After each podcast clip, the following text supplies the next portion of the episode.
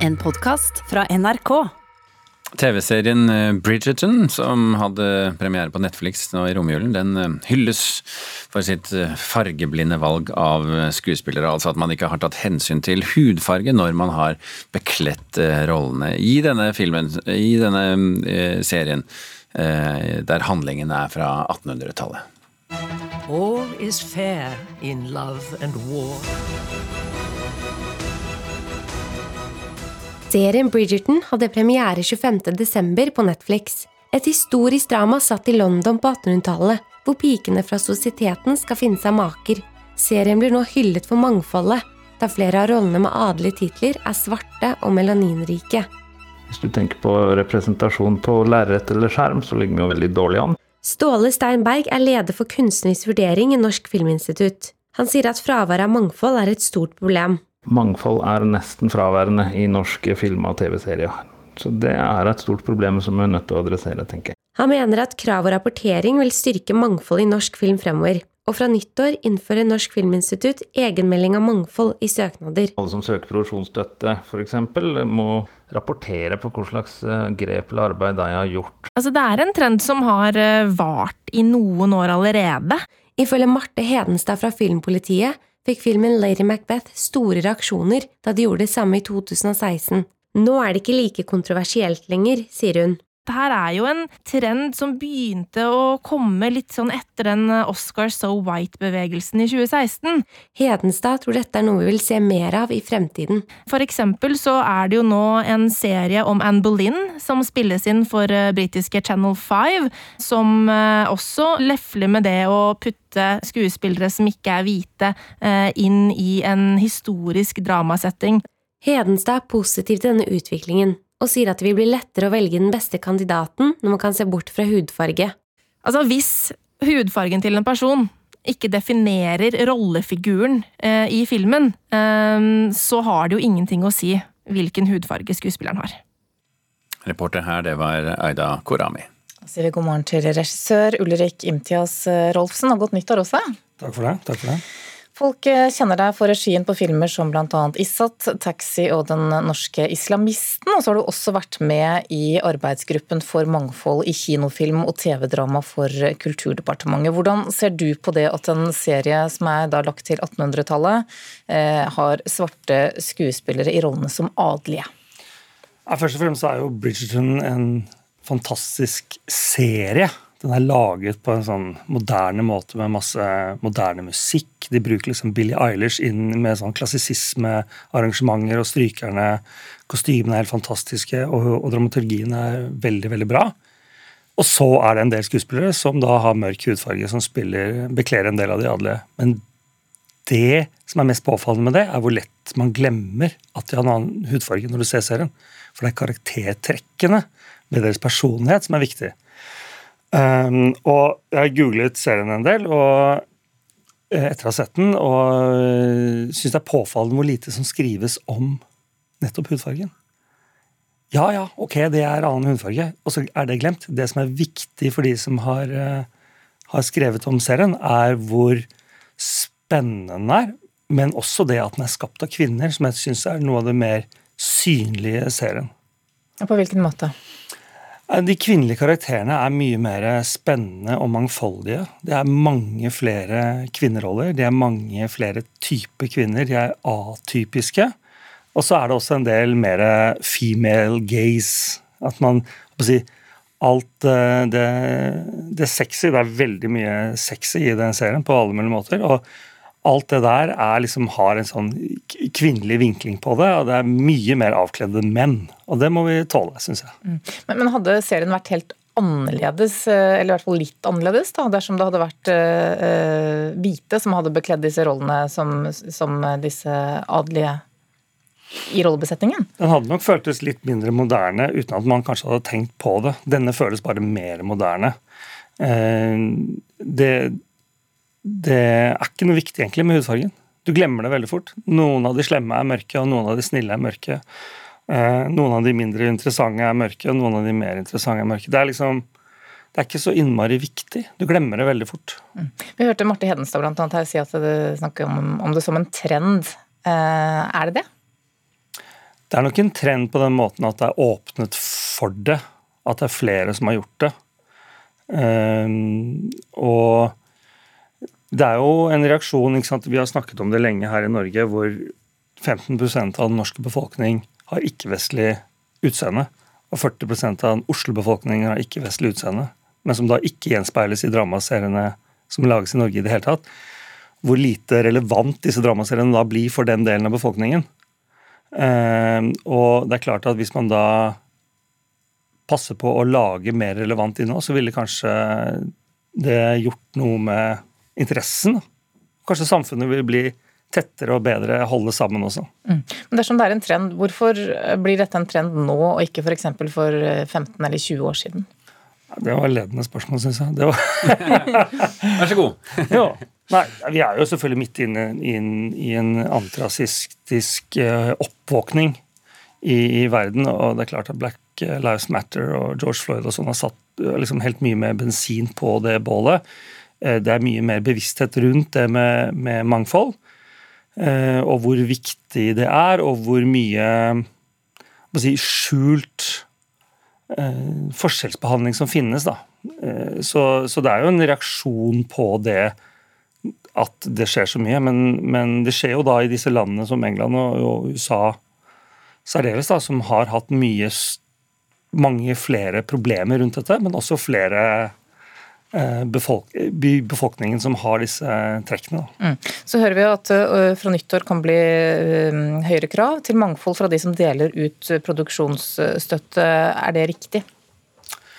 Ja, det syns jeg er riktig. Og det er ikke noe stor revolusjon i det, men det handler jo bare om å passe på at filmskapere både foran og bak kamera representeres av, si, er representative for folket. Jeg har jobbet med mangfold lenge, og en av definisjonene på mangfold er at mangfold speiler samfunnet. Det er ikke flere eller færre, det er bare speiling av samfunnet. Ok, Takk skal du ha, regissør Ulrik Imtias Rolfsen. Skal for så vidt holde oss litt til mangfold i, altså. Hør på dette.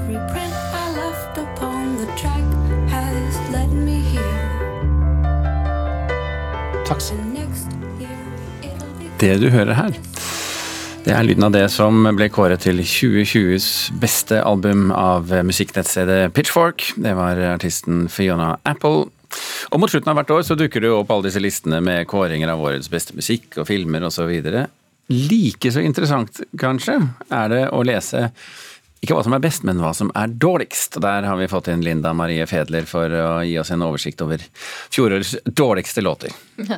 Det er eh, amerikanske nettstedet Variety som da har eh, nettopp kåret eh, en, en liste med de 13 dårligste låtene som kom i 2020. Og denne listen er basert på anmeldelser og gjennomsnittsvurderingen da, av de ulike låtene. Og eh, i 2020 det var jo et år som ble preget av veldig mye album som ble produsert i karantene. Eh, fordi man kunne jo ikke oppsøke studioer, og det siste vi hørte, var jo fra Paul McCartney. Han er ikke på lista, eh, for han slapp unna. Men ganske overraskende så er det en annen legende som ikke har servert oss akkurat en nummer én i år. Årets andre dårligste låt denne låt er laget av Van Morrison. Den heter No More Lockdown, og den høres slik ut.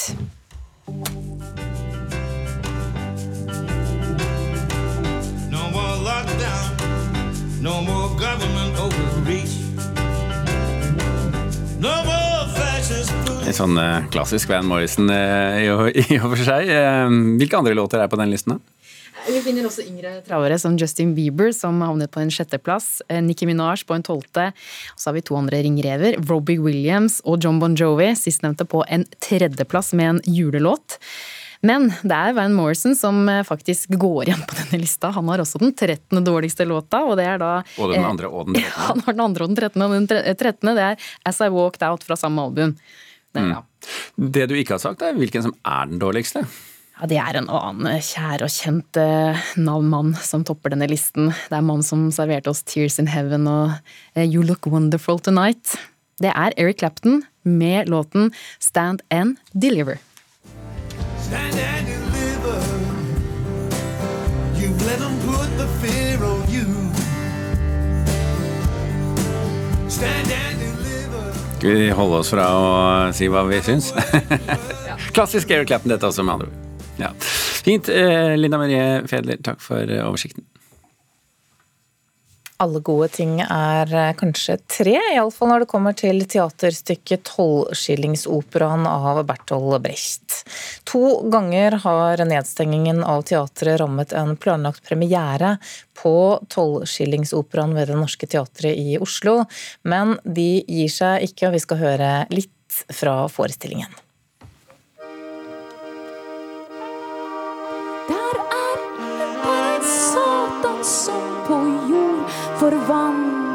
Han sjøl er slakter, kalver er vi andre. Den verste horebukk som ligger og venter. Hvem senker han Dette er eh, Mimmi Tamba som synger balladen om den seksuelle urkraften fra Tolvskillingsoperaen ved Det Norske Teatret, som spilte en slags premiere for tomme saler i november. En premiere som da var utsatt fra mars. Og Karen Frøsland Nystøl, teaterkritiker her i NRK, hvorfor vil du trekke frem denne forestillingen? Den er liksom et eksempel på hvordan scenekunstnere og teatret har bitt tennene sammen og jobba på å altså tross utsettelse ønsker å få til forestillinger. Jeg tenker at det må være utrolig lite tilfredsstillende å ha premiereklare forestillinger som en da må la ligge på vent. En får liksom aldri gjort jobben ferdig. Og Det Norske Teatret har jo, som du sa, utsatt eller, denne to ganger. Den har aldri fått spille for publikum. Eh, og Siste gang nå i november så spilte de for tomme saler bare for å holde det varmt, i håp om da å kunne åpne snart og, og kunne spille for et publikum. Eh, og jeg håper jo at de snart får åpne. Nå, nå virker det jo ikke sånn med denne siste utsettelsen som kom i går. Eh, så før den 18. januar så tviler jeg på det blir lite teater å, å se, egentlig, i, i, Norge. Og det vil jo ramme Tolvskillingsoperaen ved Det Norske Teatret nok en gang, i så fall. Den skulle hatt premiere på fredag. Ja, Hvilke andre forestillinger blir rammet da, dersom eh, ingen av teatrene åpner før 18. Ja, det er noen altså, Januarprogrammet er ordentlig rikt, så teatrene de dundrer egentlig på. Eh, men det vanlige er at trøkket på premieren kommer sånn fra den 20. Så, så det, hvis det får ligge urørt, så er det ganske mange som går etter planen. Men en del premierer rammes òg.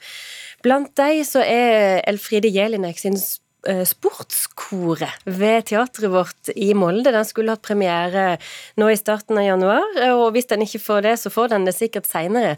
Det er et stykke om fotball, eh, og verden sett eh, gjennom et fotballblikk.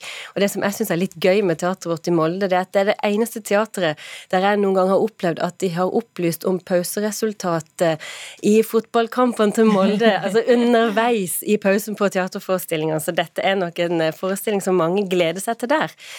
I tillegg så er der utsettelse ved Nationaltheatret i så fall.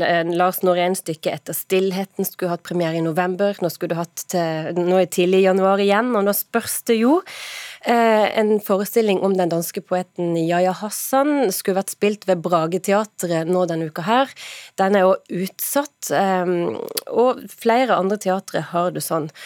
Eh, og da tenker jeg at når det endelig åpner, så må vi som er glad i teater, land og strand rundt, kjenne vår besøkelsestid. For teatrene trenger at vi er der når de endelig kan gå i gang. Mm. Så vet vi da at uh, vi ikke vet så mye om fremtiden når det er i gang igjen. Men dersom vi løfter blikket litt da, og ser videre inn i våren, hva er uh, høydepunkter som du vil trekke frem?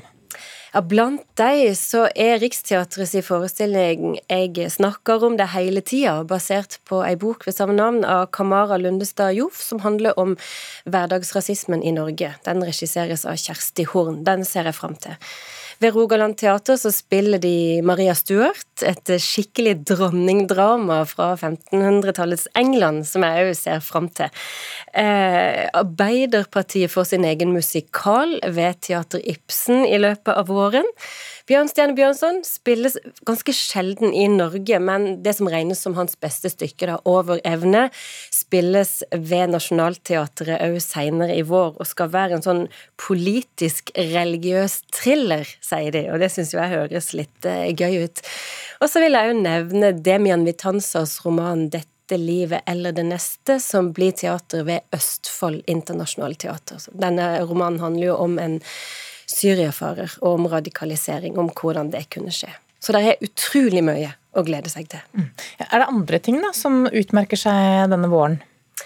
Eh, først og fremst teatrene sitt pågangsmot, men jeg la merke til at det er faktisk eh, ganske mange forestillinger for barn og unge, og ganske mange av de er nyskrevne. Det er sjelden vare, og det er helt fantastisk at det skjer.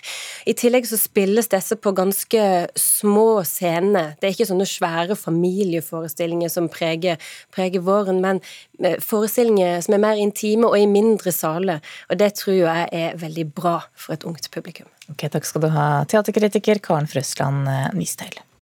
Du har hørt en podkast fra NRK. Hør flere podkaster og din NRK-kanal i appen NRK Radio.